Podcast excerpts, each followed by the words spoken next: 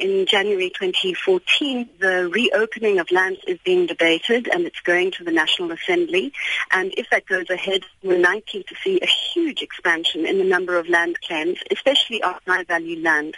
And so this sets a very worrying precedent. Volgens Hall hou die transaksie in beginsel in dat die staat hom deur die verwagtinge van Michael Rattray laat lei het. By the time that the claim went to the Constitutional Court, there were three competing evaluations.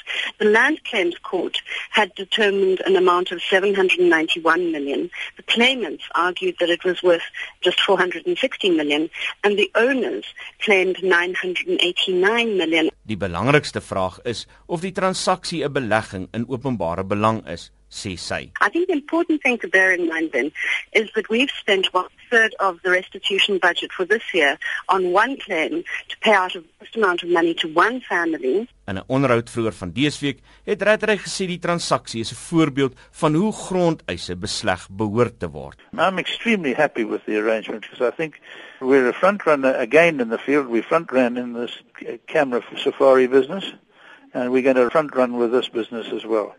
And uh, where a community gets involved with a business like ours and we take it successfully forward. Maar hoe verskil van Rattray hieroor? The claimants themselves wanted to enter into a different partnership. About a year ago there was discussion with an alternative strategic partnership.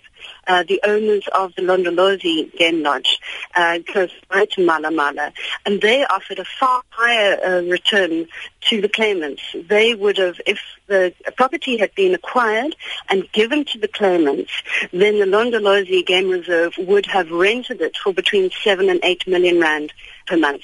Instead, the Land Claims Court said no, it must go to the existing landowners. So it's hard to understand the kind of dealing negotiations that were taking place behind the scenes, both between the owners of this particular property and government, but also other members of the business sector and international investors.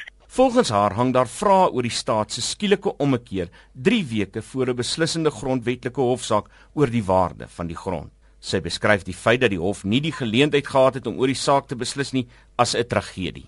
That one of the key considerations must be international pressure and pressure by the South African business sector, who have for a long time argued that if government invokes its right to expropriate land and pay below market value for land, be a loss of business confidence within South Africa. Essentially, I think what it shows is that at present, government is in a pattern of talk left but walk right. Die grondeis het 'n knuppel in die hoenderhok geword vir die internasionale toerismebedryf. Mala Mala is 'n gewilde bestemming vir wêreldbekendes en ander internasionale toeriste. Maar talle van hulle is besig om die kansellasie van hulle besprekings te oorweeg, sê Tanya Kotse van die toeroperateur Africa Direct. Ons is bang ja dat daar gaan gebeur dat jy gaan mense in posisies sit wat nie voldoende dalk opgelei is nie.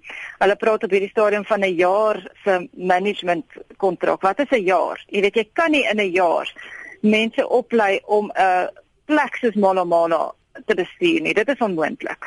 Ongelukkig as jy kyk na wat die geskiedenis gewys het tot nou toe, ehm um, soos jy sê dit dit het nog nie eintlik goed gewerk nie. Redray hou vol dat die transaksie tot voordeel van almal daarbey betrokke is. Well, I'd like to think of this and and I hope I'm right in my old age as a win-win situation for everybody. A win-win for the community, win-win for the sellers and win-win for the for the country. Maar hol sê Rattray is die enigste wenner in 'n grondeis wat Suid-Afrika nie kan bekostig nie. The government has stepped in as a as a wealthy market player and paid them out a full market price, well, at least the market price that they asked for.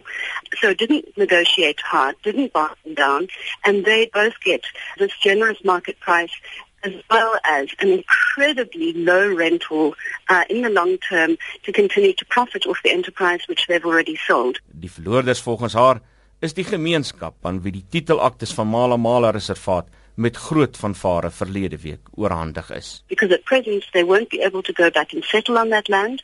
They won't be able to use that land for a variety of other purposes. So they will be largely dependent for the next 15 years on 147 rand per person per month. Dit was professor Ruth Hall van die organisasie Plaas. Ek is Isak Du Plessis in Johannesburg.